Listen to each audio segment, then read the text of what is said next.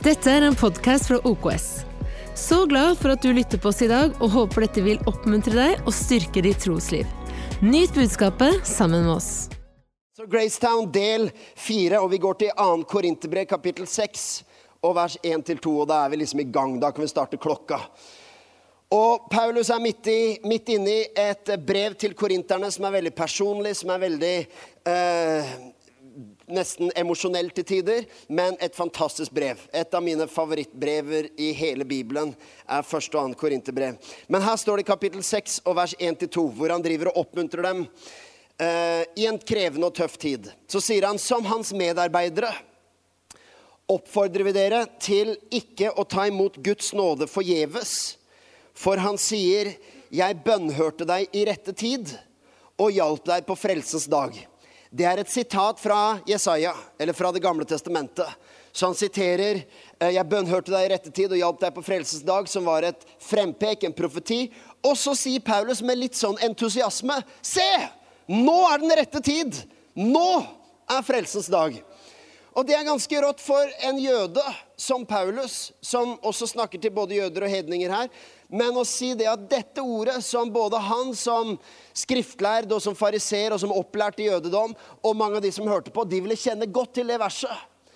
Og for oss så er vi vant med å kanskje, vi som har lest det her noen ganger, se nå er den rette tid, nå er frelsens dag. Men det er et mektig statement på det tidspunktet Paulus sier dette her. Det er dette som vi har ventet på, denne sesongen, dette, denne tidsalderen, denne husholdningen, som det er profetert om, som det er snakket om, som det er gitt hint om, som det er blitt gitt løfter om. Se, nå er den tida! Nå er frelsens dag. Og jeg skal ikke gå veldig dypt i oversettelsen, men det er noen det er noen ting som forsvinner litt i oversettelsen her. Når det står 'se, nå er den rette tid' eh, Hvis du har hatt en engelsk eh, bibel, så vil du kanskje kjenne igjen at det står 'the acceptable time'. Og på gresk så er det et ord som egentlig Det kan bety litt ulike ting, men det har å gjøre med Det er tiden for å ta imot. Eller en Det er en riktig og en lovlig tid for å ta imot. Det er det samme du kjenner igjen i Isaiah 61 og Lukas 4, 18, og Jesus sier 'Jeg har kommet for å forkynne evangeliet'. Jeg har kommet ut um, jeg har kommet for å uh, forkynne evangeliet for de fattige og frihet for fanger osv. Og, så og for å rope ut et nådens år fra Herren. Det står akkurat det samme der. For å rope ut 'an acceptable time'. En mottagelig tid. En sesong for å ta imot. Vet, I Guds kalender så er det mange ting som det fins en rett tid for.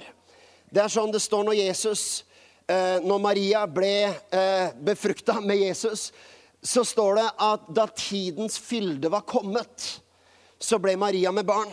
Det er mye som Gud gjør etter sin kalender.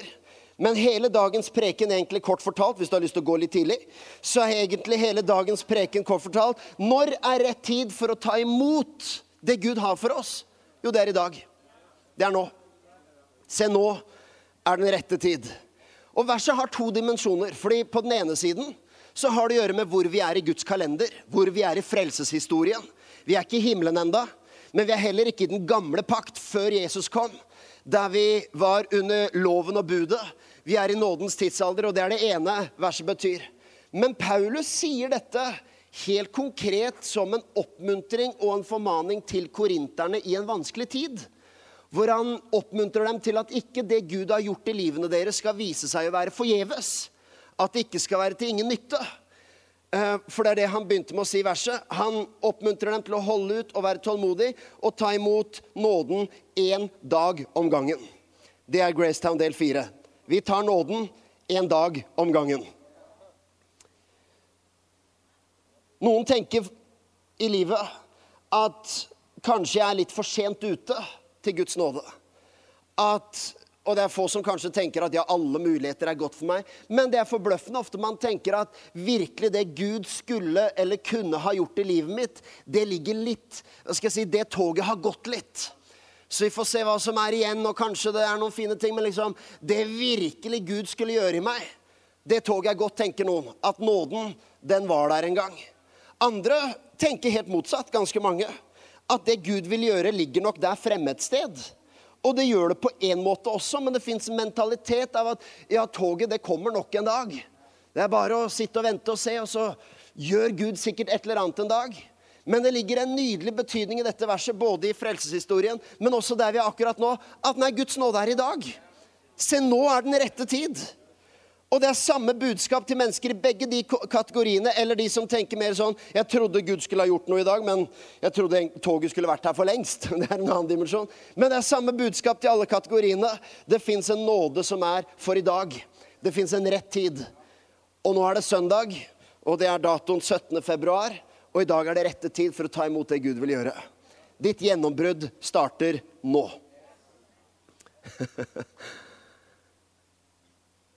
Det er en rett tid for å ta imot ting. Det er sånn at det er, eh, det er, eh, en rett tid for å ta imot julegaver. Ikke sant? Det er ganske naturlig at rett tid, lovlig tid for å ta imot julegaver, det er julaften. Ok? Og så er det jo sånn kalender og forskjellige ting. Men jeg, jeg, vet ikke hvor mange her som i småbarnsfamilier som har hørt disse her ordene. Kan vi være så snill å åpne én pakke nå? Please, kan vi åpne én litt før? Den kommer hvert år, og hvert år som jeg sier nei, Katrine. Det er bare november.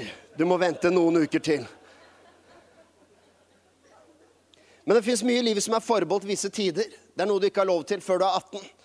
Du får sertifikatet, eller du får muligheten til å ta sertifikatet når du er 18. Du kan gå av med pensjon når du er ja det er litt ulike aldre, men i hvert fall eldre enn meg. Så Leif, det er for tidlig. Nå. Du har ikke lov ennå. Ja, du kan det, men det vil ikke lønne seg. Får ikke noe penger. Uh, det fins ting som er en lovlig tid, som du kan gjøre i visse sesonger. Det er når du, når du gifter deg. Det er da du endelig har lov til å ha felles bankkonto. Men det er en lovlig tid, og det er en rett tid for å ta imot Guds nåde. Og det er i dag. Jeg vet det er fryktelig enkelt, men dette er i dag. Og innledningsvis noen ord til dere som lener mot den tanken om at virkelig Guds muligheter for meg, de lå litt tilbake i tid. Det lå i kanskje en døråpning som var en gang. Og dette er egentlig ganske enkelt, men for noen mennesker, og forbløffende mange nordmenn, så er man helt uvitende om denne dimensjonen av evangeliet. Og det er måten evangeliet skriver historier på. Noen kjenner disse versene her i Romerbrevet 4, når Paul skal gjenfortelle historien om Abraham. Og hele kapitlet handler egentlig om nåden. Faktisk, Vi kan godt ta det først, for han, han sier i vers 7 og 8 så sier han salig er de som har fått sine lovbrudd tilgitt og sine synder skjult. Salig er det mennesket som Herren ikke tilregner synd. Og så Noen vers etterpå så begynner han å snakke om Abraham. Og så beskriver han Abrahams historie på den måten her. Abraham som da hadde fått et løfte om at han skulle ha barn, og som eh, dessverre ikke hadde tålmodighet til å vente og tvilte på hele greiene. Så han hadde seg med trellkvinnen Hagar for å få et barn med henne. Og som jeg sa i en preken første gang jeg snakket om det her, at den feilen har jeg gjort mange ganger, sa jeg. Men, jeg, men det betyr ikke det du tror det betyr. Det er mer enn når man tar omveier. Eh, Og så gjenforteller Paulus historien på denne måten. Når til slutt de får løftet Ikke der. Eh, ett eh, tilbake. Romerbrevet fire Tilbake. Der, ja. Selv om alt håp var, der, selv om alt håp var ute, holdt Abraham fast på håpet og trodde. Derfor ble han far til mange folkeslag. som det var sagt til ham. Så tallrik skal etten din bli. Han var nesten 100 år, men ble likevel ikke svak i troen da han tenkte på sin egen kraftløse kropp og på Saras døde morsliv. Han var ikke vantro og tvilte ikke på Guds løfte. Paulus maler det liksom inn, men ble sterk i troen og ga Gud ære. Har vi lest samme? Tror du Paulus kjente til den gammeltestamentlige historien om Abraham? Jeg tror han kjente den ut og inn. Og dette er mer enn bare en lettvint teologisk forklaring på at ja, nåden sletter ut alt. Jeg tror at dette er en veldig bevisst skrivemåte fra Paulus. For hele kapitlet handler om nåden og den som har fått sine synder skjult og slettet ut. Så jeg tror det er med intensjon at Paulus forteller denne historien og utelater alle detaljene fra Abrahams liv om hans tvil og hans synd og hans ulydighet og hans vantro og hans omveier. Men han sier han tvilte ikke på Guds løfte, men ble sterk i troen og ga Gud ære. For han var overbevist om at det Gud hadde lovet, hadde han også makt til å gjøre. Derfor ble han regnet som rettferdig. Abraham hadde tro også. Men du lurer på hvor er den delen av historien med alle omveiene? Og vantroen. Vi hørte her når Ray Bevan prekte at når, det, når, Bibelen skal gjenfortelle slektslinjen til Adam og Eva, så, så, er det, så, er det, utelatt noe. Det er utelatt Kain. Og så går den rett på det den sønnen og det løftet som de senere fikk. Det kan du studere på egen hånd. Men ta, ta en person til. Nei, vi, vi venter litt med han. Dette, dette, er Bibelens historiefortelling. Du skjønner, det som er den, En enkel illustrasjon, men alle, jeg ser det er mange skolelærere her, så det passer bra. Skolelærere de må man være på lag med. Det er viktig. Det er viktig å forstå. Du skjønner, når vi skriver historien vår, når Gud skriver historien, og vi leser historien om oss sjøl, så er det sånn at det fins en del ting som foregår. Hvis jeg skal skrive historien fra mitt liv Jeg kan skrive bare siste uka. Ting, valg jeg tok, tanker jeg tenkte, uh, ting jeg ikke gjorde som jeg skulle ha gjort. Det er ganske mange sider. Uh, ting jeg burde ha sagt som jeg ikke sa. Ting jeg sa som jeg ikke burde ha sagt. Uh, noen, ting som, noen ting som virkelig var et lyspunkt. Jeg oppdaga noe, jeg lærte noe. Det er en historie full av, full av, detaljer.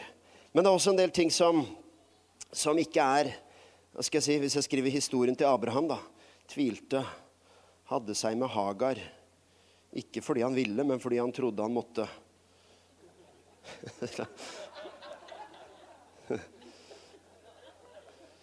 Hagar hjalp til. Det er mye i denne historien. Måten å forstå nåden på, det er litt som jeg, jeg husker når man gikk på skolen, for jeg har alltid hatt veldig stygg håndskrift. Og, og jeg var glad i å skrive stiler. Derfor var jeg veldig glad i at det fantes kladdebøker. Er ikke det et bra konsept? Kladdebok er nydelig. For en kladdebok er litt sånn at det er ikke sånn at det er helt ett fett hva som står der. Det er ikke sånn at det som er i kladdeboka, ikke har noen konsekvenser eller leder frem til noe. Men det som er så nydelig med en kladdebok, er at alt kan redigeres. Og det er sånn når det er tid for innføring, og du, det jeg jobba da hardt for å få min aller peneste håndskrift, så kunne det se helt annerledes ut enn kladden. Og når jeg leser historien om Abraham, så er det litt sånn Det er nesten som om historien som gjengis i Det gamle testamentet, er nesten en slags kladdebok. Hvor det er en hel del ting som er med i historien. Og, og jeg, Det er bare en poetisk måte å si det her på. For det er ikke sånn at det ikke skjedde i Abrahams liv. Det er ikke sånn at det ikke fikk noen konsekvenser. Det er ikke sånn at han aldri måtte bli stilt til ansvar for noe som helst. Men når det virkelig kom til at nåden tok ham, og når det er den rette tid, så er det som om når det er tid for innføring i Romerbrevet 4, så er det den versjonen vi får. Og du skjønner, I vårt liv så tror jeg det fins en nydelig ting. Det er ikke sånn at det vi gjør, ikke har noen konsekvenser, at det ikke er noen valg vi ikke må stå til ansvar for. Men vet du når den rette tid for innføring er? Jo, det er i dag og se at det som har vært i ditt liv av historier som du egentlig ikke ville hatt med, det som var valg du egentlig ikke ville måtte bært konsekvensen av, de tingene du sa som du skulle ønske du aldri sa, de tingene som ikke ble sånn som du håpte, det som er i den historien, det er sånn at det er en måte å forstå alle dine feiltrinn på. At dette er kladdeboka. Og når Gud skal skrive historien din, så er det en ny dag. Det er en rett tid for å skrive inn det som er fortellingen om din reise, Gud. Og det er ikke sånn at, ikke sånn at du kan liksom prøve å blokke hukommelsen din som om det aldri skjedde, men du kan stå framfor Gud med vitnesbyrde og den versjonen som, ha, som, er i nådens lys, der kladdeboka får lov å være kladdeboka, men du får lov å stå framfor himmelen med innføringen av det løftet som ble oppfylt. Det er en nydelig måte å tolke sine feiltrinn på. Og i stedet for å se på gårsdagens hendelser med anger og utilstrekkelighet alene, så kan du se på gårsdagens feiltrinn som en forberedelse. Som en kladd til å gjøre det bedre neste gang. Jeg vet dette er litt, litt utenom bibelteksten akkurat nå, men det er utrolig mange ting som i livet som ikke nødvendigvis er 100% riktig eller 100% feil. Men det er en kladd. Du prøvde. Du lærte noe. Problemet er når vi på død og liv vil benekte at noe som helst er feil med kladden, og vi vil så gjerne gjøre kladden vår så pen som mulig. Forstår du hva jeg mener da? Altså, Hvis den var inne på dette her i første delen av denne serien, om at jeg trengte visst hjelp likevel. Vi leste 1. Johannes 1,8, hvor det står at den som sier han ikke har synd, bedrar seg selv. Altså Den som sier han aldri trenger hjelp, den som aldri vil erkjenne sine feiltrinn, lurer bare seg sjøl. Og det er da vi lurer oss sjøl. For vi får, vi får, ikke tatt imot Det er som om nåden blir litt forgjeves. Fordi vi vil, vi vil ikke ha nåden på noe. Men når du kan se noen ting i livet som i måten du har gjort på, og forstå at vet du hva? Jeg har ikke noe mål av å bevise at alt dette var fullkomment. Jeg har ikke noe mål av å prøve å gjøre dette vakrere enn hva det var. Men én ting vet jeg. Jeg vet at alt dette kanskje er en forberedelse og noe som kan posisjonere meg for en god innføring i neste sesong. Det er en nydelig ting. Å kunne se det både i nådens lys, men også se at selv feiltrinnene er en forberedelse. Vet Samson, det var neste vers her, Dommerne 1628. Det er en detaljert historie, men jeg, jeg elsker bare den detaljen på avslutningen av livet hans. For på en måte så er kladden hans her så tragisk på så mange ting. Den inneholder så mange dårlige valg. Um, og han havner i en situasjon hvor han er tatt til fange. Og han står og blir spotta og håna av filisterne. Og han står der i lenker, og de har tatt ut det ene øyet hans. Og han er i en ynkelig situasjon. Og det kan se ut som en veldig trist avslutning på det som skulle vært en bra historie. Og man kan si at Samson hadde satt seg sjøl i den situasjonen. Det var hans egne valg, hans egne holdninger, som brakte ham dit. Og nei, Samson kunne heller ikke skru tiden tilbake for å gjenskape noe som en gang var. Det er ikke det som er den nåden som er for deg akkurat i dag. Det er ikke at endelig kommer nåden og kan gjenskape noe som jeg håpte skulle bli en eller annen gang. Nei, det fins en nåde for nå. Det fins en nåde for i dag. Og Samson kunne ikke skru tiden tilbake og forandre alle ting. Men det fantes en nåde for der han var nå. Som gjør at, selv om dette er Gamletestamentet, og det er litt brutalt, for det ender med at Samson tar livet av masse filistere, men hør likevel på den bønnen til Samson, 16, dommerne 1628. Da ropte Samson til Herren og sa, Min Herre og Gud, husk på meg, og styrk meg denne ene gangen, Gud, så jeg får hevn over filisterne for det ene øyet mitt. Jeg vet at det er, ikke, det er ikke en vanlig bønn du og jeg ber i hverdagen. Men jeg har, alltid, jeg har alltid vært litt fascinert av den bønnen. For Samson er på en måte Det er så mange ting som tilsier at Samson kunne flagga nederlag. Det ble ikke som det skulle. Historien er over. Jeg rota det til. I messed it up. Men så kommer denne bønnen som er på en måte litt sånn ut fra desperasjon. Og jeg, jeg sier ikke at du må, du må, be sånne desperate bønner nødvendigvis. Men det er en nydelig ting at til og med før Jesus, til og med i Det gamle testamentet, så står Samson og egentlig kasta bort hele kallet sitt. Kaster bort alle de tingene, alle de mulighetene som egentlig Gud hadde gitt ham. Men så står han der i lenker med det ene øyet ute. Eh, og egentlig under spott og under hån og sikkert anger, så sier han Gud, fins det likevel en nåde for i dag? Og Gud sier, 'Yes, det fins en nåde for i dag'. Vi kan ikke skru tiden tilbake, men her du er nå, så fins det nåde som gjør at Samsons avslutning på livet blir likevel et mektig vitnesbyrd, der han får lov å kjempe og forsvare Israel en siste gang, selv om han også dør i denne historien. Så det er ikke, det er ikke alle ting i denne historien som er paralleller til det moderne liv. Jeg er klar over det. Men du må få essensen ut av det. Det fins en nåde som er for i dag. Jeg vet På en måte er det enkelt at ja, ja, du liksom eh, det kommer en sjanse til, hadde vi en preken her om for noen måneder siden. Men det er litt det samme som vi snakker om i dag. At det fins en nåde. I dag er den rette tid. I dag er det frelsens dag. Og uansett hva historien viser, uansett hvilke muligheter som glapp, eller hvilke muligheter som du tok, men som ikke ble som du hadde håpet, eller du trodde toget hadde gått, eller kanskje toget kommer en dag Vel, det fins en nåde som er for deg akkurat i dag. Og ta imot og si, Gud, kan jeg få styrke en gang til? Gud, jeg vet at det der ble sånn, men fins det en styrke for meg akkurat nå? Enten du er ung eller du er voksen, så er det samme prinsippet relevant. Fins det en styrke, fins det en nåde som er for i dag? Yes, det fins en nåde som er for i dag, for Hans nåde er ny hver morgen, står det. Det betyr at ingenting av gårsdagens hendelser diskvalifiserer deg fra å ta imot nåden i dag. Og heller ingen av gårsdagens meritter fritar deg fra å trenge Guds nåde i dag. For Hans nåde er ny hver morgen. Den er ferskvare.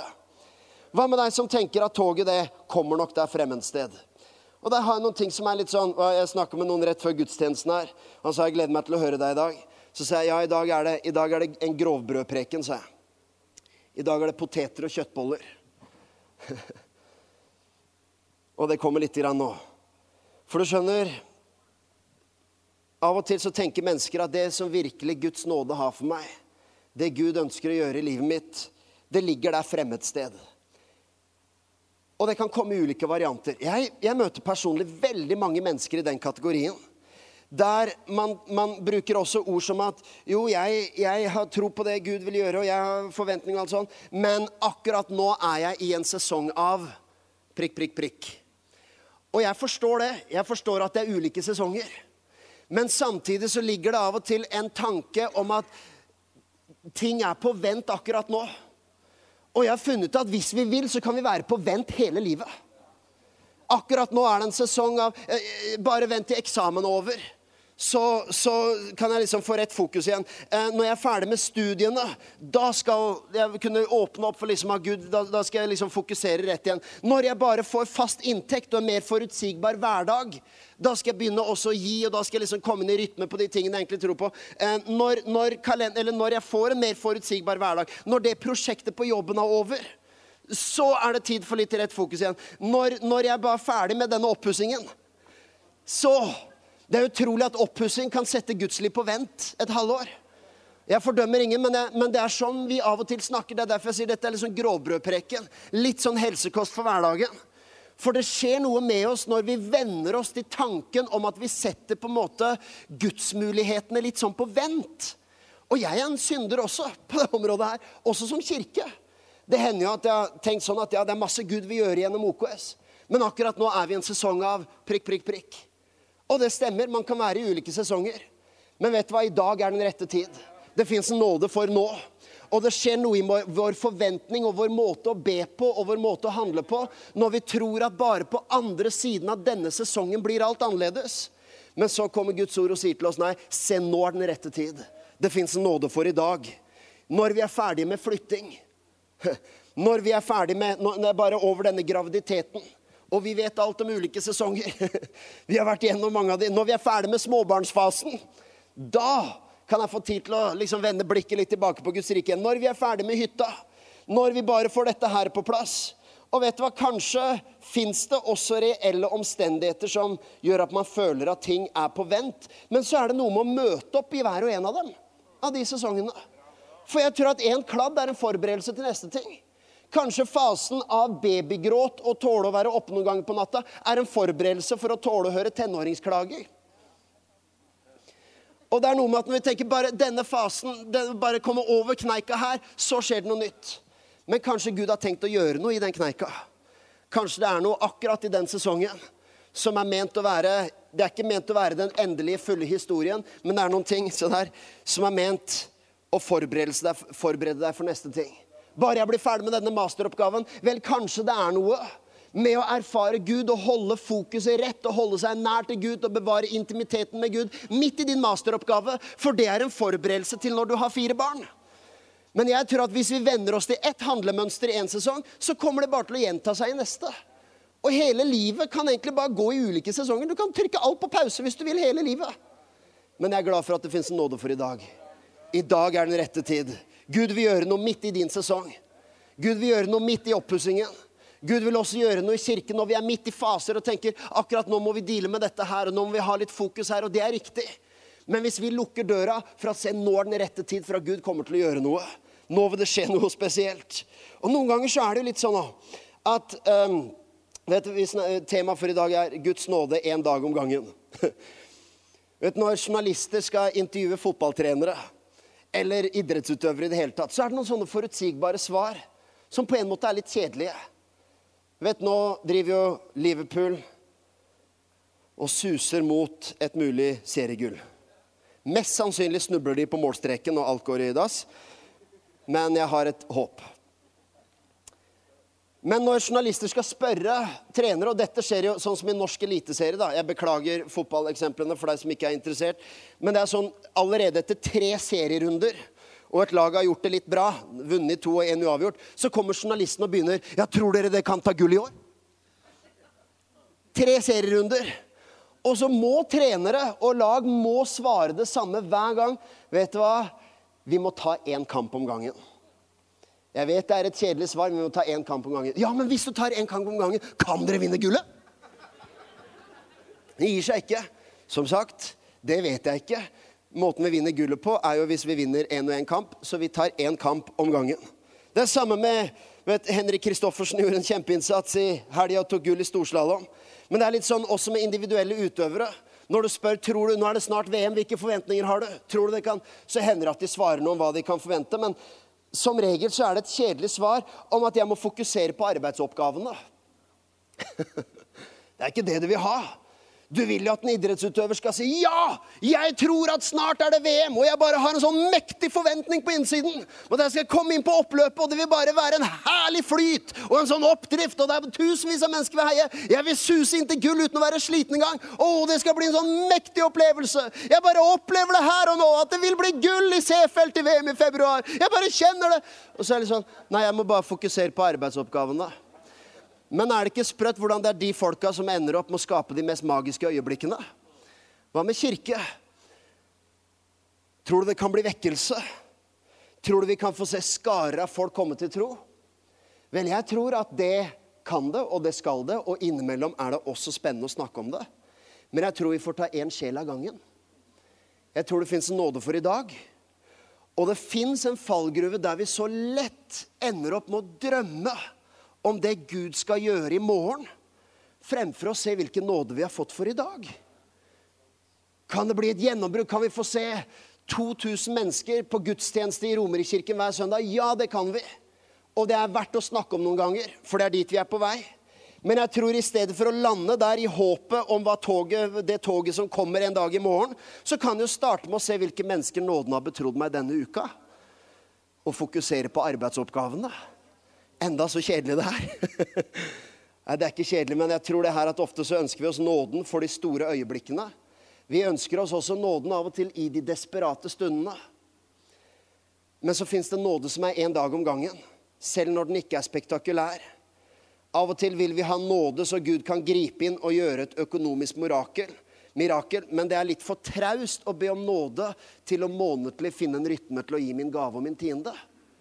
Av og til så vil vi ha Guds nåde til å virkelig føle Guds nærvær og Guds trøst når vi er desperate og pressa, men det er litt for traust for noen å be om nåde til en ukentlig og en daglig rytme i bønn og i Guds ord.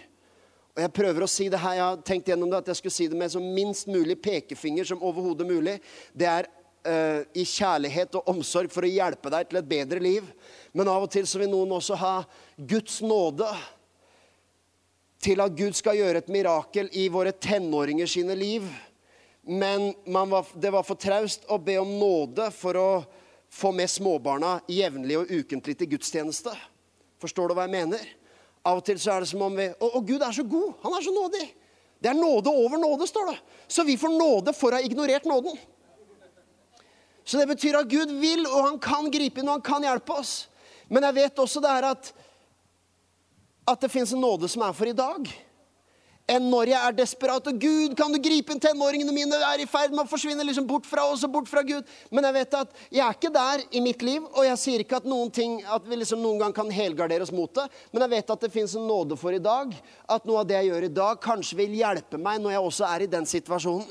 Og ikke til fordømmelse for noen mennesker overhodet, mer til hjelp for å se hva er det dagen i dag skal investere i din fremtid og i din morgendag.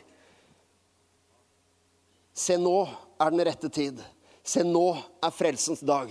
Vent og se hva som vil skje når du oppdager den nåden som er en dag av gangen. Jeg vet det kan høres litt rytmisk og litt rutinemessig ut, men jeg tror det er spektakulært hva Gud kan gjøre når vi etablerer nye rytmer i livet. Av og til så tenker vi, og, og sånn her er det jo også, at vår tro skaper handling. Amen? Altså Slik en mann tenker i sitt hjerte, slik er han. Så det er en etablert tanke hos oss, og som jeg sjøl også tror veldig på, at det som er din overbevisning, det som er ditt verdisystem, det som er din, det som er din tro, det vil også prege dine handlinger. Men jeg tror også det fins en dimensjon av at dine handlinger kan være med å forme din tro. Og det er litt uvant for oss å tenke, for vi tenker ja, da kommer jo gjerningene først. Og det blir vel ikke riktig. Jo, det kan bli veldig bra når de gjerningene kommer ut fra en overbevisning av noe du ønsker å etablere i livet ditt. Jeg vet det er et enkelt eksempel, men det kan være i ekteskapet. Så kan man jo si I vår tid så er vi så vi skal være så genuine og så ærlige. så kan liksom med Hva skal jeg si ja, jeg, jeg, kan ikke elske kona fordi jeg må, men det må, det må, være, det må liksom komme fra et eller annet sted. Det må være genuint. Jo, det er sant. Men går det kanskje også an å tenke at jo, jeg må, jeg må tenke rett og må på en måte prioritere tankelivet på en måte som gjør at ekteskapet blomstrer. Men går det kanskje også an å tenke at det å legge ned en rytme på noen ting kan hjelpe deg til å forme tankene? Kan det være, og nå sier jeg ikke at du skal gjøre akkurat det, selv om Katrin gjerne vil, at det kan være hvis du legger inn i outlooken at du skal kjøpe blomster hver fredag etter jobb? Ja, var det jeg tenkte. skjønner du. Det har vi ikke råd til. Blomster er så dyrt. Vi driver fortsatt og betaler ned på de blomstene vi kjøpte til bryllupet. Vi har liksom to utgifter i hverdagen. Det er blomster fra bryllupet og huslån. Det er de tingene som har kosta mest. Men hvis du legger inn det hver rytme men, men bare tenk på det. Så kan man tenke ja, men det, blir ikke det lovisk? Blir ikke det, blir ikke det Nei. Hvis du gjør det ut fra Jo, men jeg vil etablere en tanke, jeg vil etablere en rytme. Jeg vil skape en mulighet hver uke for å kunne se hverandre i øynene og si at jeg er glad i deg, og en mulighet til å si takk. Og kanskje det kan gi en åpning for noe, og en mulighet for noe nytt og annerledes. Kanskje det kan være med å fornye. Kanskje er det noe i ditt gudsliv. Hvis du legger inn i en outlook og i kalenderen din fem minutter daglig av å åpne opp hjertet for at i dag er den rette tid. Gud, hvilken nåde har du gitt meg i dag? Kanskje ikke det er lovisk, kanskje ikke det er gjerningsdrevet. Kanskje det simpelthen er å gi deg selv en mulighet. Midt i tusen andre ting vi planlegger, så gir du deg selv en mulighet for en fornyelse av noe enn å vente på at tankene mine skal Når jeg bare har 100 lyst til alle ting, så skal jeg gjøre det, for da blir det av hjertet. Kanskje går det an å tenke hvis dette blir en rutine, en vane, en rytme og en puls, er et bedre ord. Når dette er en puls i mitt liv, kanskje det også vil fornye noe i min overbevisning. Jo, troen hva skal jeg si, Handlinger kommer av troen, men det fins også en dimensjon av at troen kan komme av handlingene dine. Vet du hva det jeg mente med grovbrødpreken? At eh, La meg si det her så velformulert som jeg bare kan. Vi nærmer oss slutten her. At jeg, jeg tror uh, det er utrolig oppmuntrende, ikke minst i den sesongen her vi har vært i, og når vi har den temaserien som vi har nå, med mennesker som gir gode tilbakemeldinger på forkynnelsen og er takknemlige. Du skal vite at vi setter pris på hver tilbakemelding. Personlig er det en oppmuntring hver person. Så aldri tenk at det sier sikkert alle andre òg, det er ikke vits at jeg sier det. Det er alltid en oppmuntring, og det trenger alle mennesker. Trenger noen oppmuntringer langs veien. Men hvis jeg tenker på, hvis jeg tar parallellen til mat, så er det sånn at det er ikke automatisk alltid de måltidene som jeg nøt aller mest, som nødvendigvis alltid inneholdt mest næringsstoffer. Det fins noen måltider som er litt grovbrød, som er litt kjøttboller og poteter. Jeg vet ikke om det akkurat er så fryktelig sunt, men sunneste vi har i løpet av en uke, i hvert fall. Som er litt hverdagslig.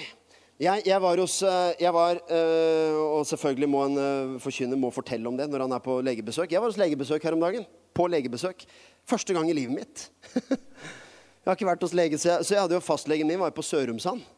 Der jeg bodde når jeg var tenåring. Så jeg måtte ut dit. Nå har jeg fått bytta, da. Men jeg var, jeg var hos legen, og, og det, noen, det, var ikke noe spesiell Ikke noe å bekymre seg for. Men jeg tok en hel del tester, for jeg har ikke gjort det hele livet. Så jeg tenkte det var greit å ta en sånn EU-sjekk.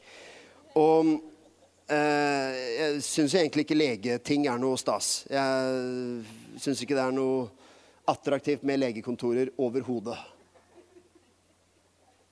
Det er et nitrist sted, faktisk. Det er ikke, men jeg syns ikke det er ekkelt da. Det er, det er, viktig å forstå forskjellen her. Dette er faktisk veldig viktig kirkehistorie. At jeg har ikke noe problem med å se blod. Jeg har ikke noe problem med å ta sprøyte. Jeg besvimer ikke fordi man tar en sprøyte. Det jeg blir gal av, er legespråk. Det er sånn herre ja, hvis du spiser det, får du fettavleiringer i blodårene. Da blir jeg kvalm. Det er det verste jeg veit. Og på et legekontor så er det ikke bare at legen snakker sånn. Alle snakker sånn. Det er som en slags, slags legespråk-eldorado. Det er alle som vil utfolde alle detaljer, og det henger på veggen. Altså Bare de plakatene som henger på veggen på legekontor, er nok til å bli sjuk. Det henger, altså det er tarmer, og det er innvoller, og det er beskrivelser, og det er, det er, det er alt Altså Hvor er jeg på vei hen nå med dette her, egentlig? Hæ? Jeg tok en legesjekk, men hva, hvorfor skal jeg fortelle om det? Jo, jo, jo! jo, Bra. Takk. Nå kom jeg på det. ja, ja, ja. Nei, det går bra. For jeg, jeg, det er en egen del av historien. er altså Den ene gangen i livet jeg besvimte, var på teorikurs på kjøreskolen. Fordi da kom han kjørelæreren med en sånn dokke i full størrelse med lever, hjerte nyre, med alle innvoller og skulle ha sånn førstehjelpskurs og sto der og ja. Uh, og jeg, jeg svima rett og slett av. I et klasserom med 30 fremmede uh, unge mennesker som skal ta lappen. Alle like nervøse. Jeg deiser i bakken med vannglasset og våkner av 30 mennesker som står rundt meg og titter over. Uh, og kjørelæreren som sier 'Dere, jeg tror vi tar en pause, jeg, dere'. Og hvor han kommer etterpå og lurer på Skulle ha en sånn liksom, terapeutisk prat. da, hva, hva, liksom assosierte du med dette her? Og trodde det var ting i barndommen. Så jeg assosierte ingenting annet enn de ekle innvollene du står og viser fram foran hele klassen. Det er ikke naturlig. Gud ga oss hud for at vi ikke skulle se noen av de tingene.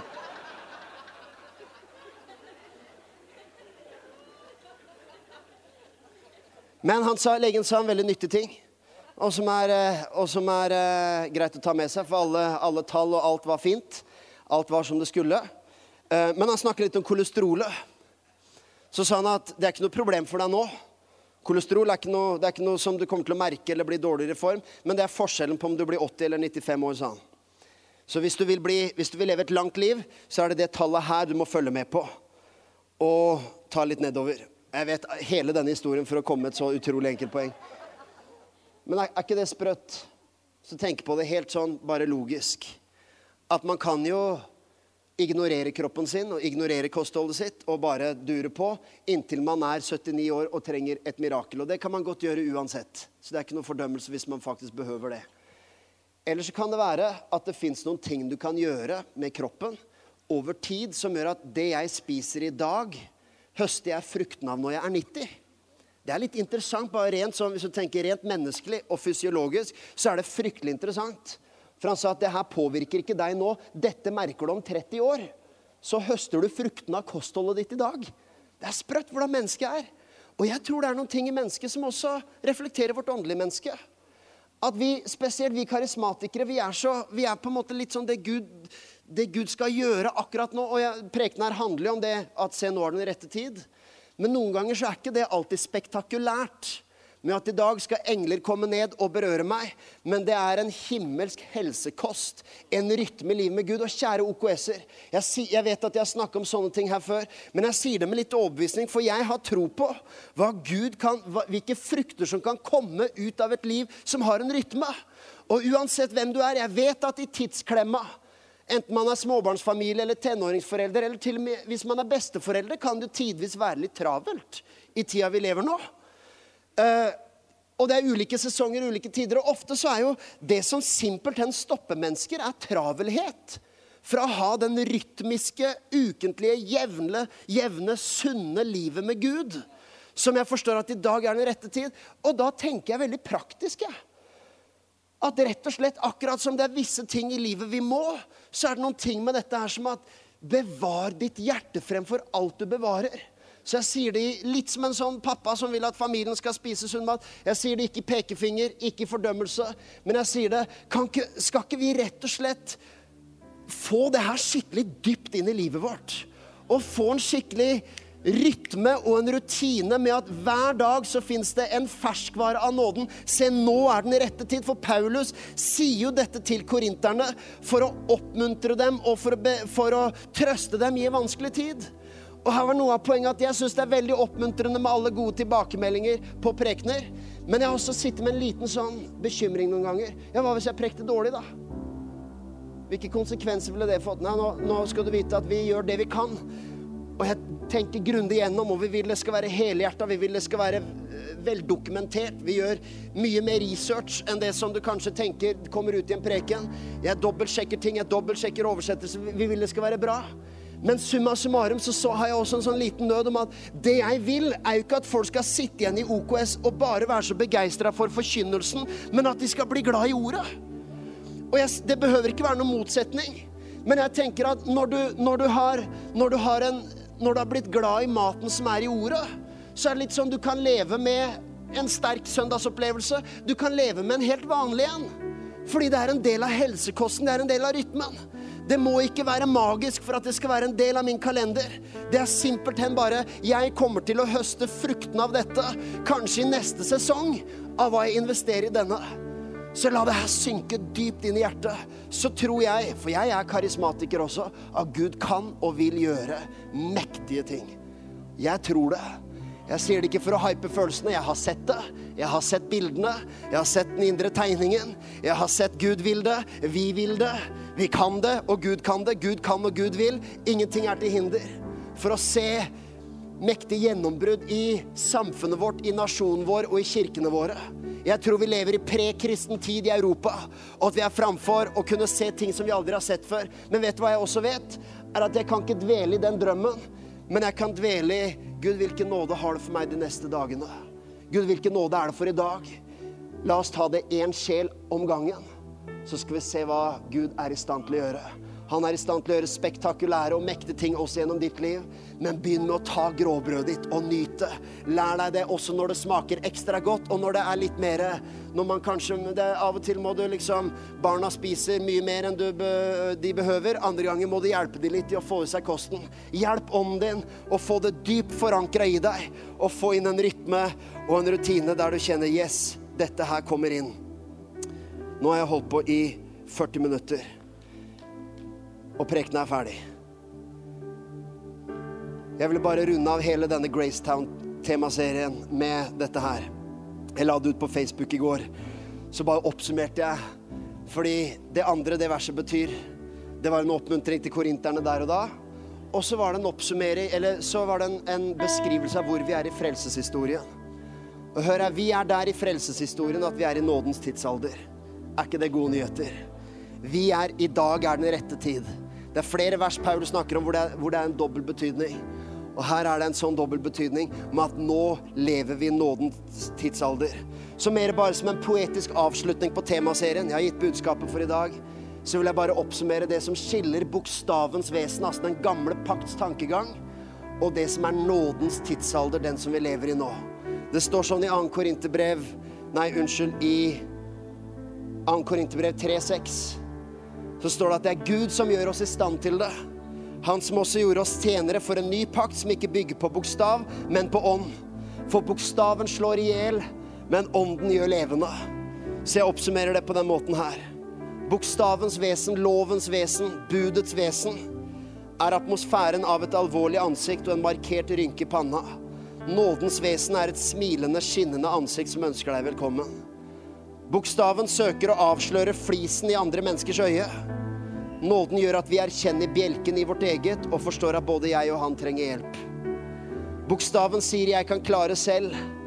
Nåden innrømmer 'jeg trengte visst hjelp likevel'. Bokstaven feirer når den finner en grunn til å diskvalifisere folk. Nåden feirer når den finner en grunn til å inkludere folk. Bokstaven krever gode gjerninger, nåden produserer gode gjerninger. Bokstaven produserer folk som imponerer, nåden produserer folk som betjener. Bokstaven sier at du er OK hvis du gjør de riktige tingene. Nåden sier du kan gjøre de riktige tingene fordi du er OK. Bokstaven sier at du har vunnet når du er i mål, og du har løpt godt nok. Nåden deler ut seierskransen allerede ved startstreken og sier at herfra kan du løpe med en vinners identitet. Bokstaven elsker å sette folk fast. Nåden elsker å sette folk fri. Bokstaven står med en pekefinger uten at den klarer å forandre noe som helst. Nåden står med en åpen hånd med kraft til å forvandle hva som helst. Bokstavens vesen er en atmosfære av selvhøytidelighet og frykt for å gjøre feil. Nådens atmosfære har i seg en frihet og rom for latter også når den gjør feil. Bokstaven elsker å finne feil, nåden elsker å finne muligheter. Bokstaven vil alltid produsere fasader.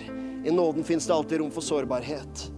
Bokstaven løfter opp glansbildene, nåden løfter opp Jesus. Bokstaven sammenligner, nåden møter mennesker der de er. Bokstaven prøver å kunne tvinge fram det gode i folk.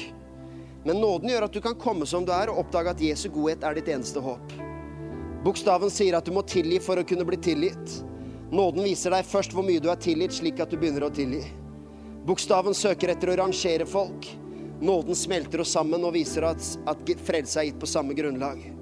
Bokstaven slår seg på brystet og peker på sine meritter og prestasjoner. Nåden løfter sine hender i takknemlighet og tilbedelse til ham som har gjort alt. Bokstaven sier at syndere får sin konsekvens, og helgener får sin belønning. Mens nåden sier alle helgener har ei fortid, alle syndere har ei fremtid.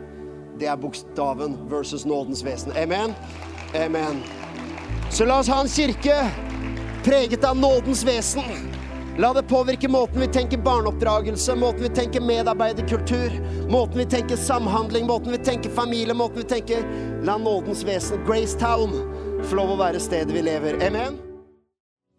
Takk for at du tok deg tid til å lytte på en av våre podcaster fra OKS. Vår visjon er å bringe Jesus til mennesker i vår verden, og mennesker i vår verden til Jesus. Følg oss ellers på vår YouTube-kanal og sosiale medier. Du er velkommen til å besøke en av våre kirker. For mer informasjon, sjekk ut oks.no.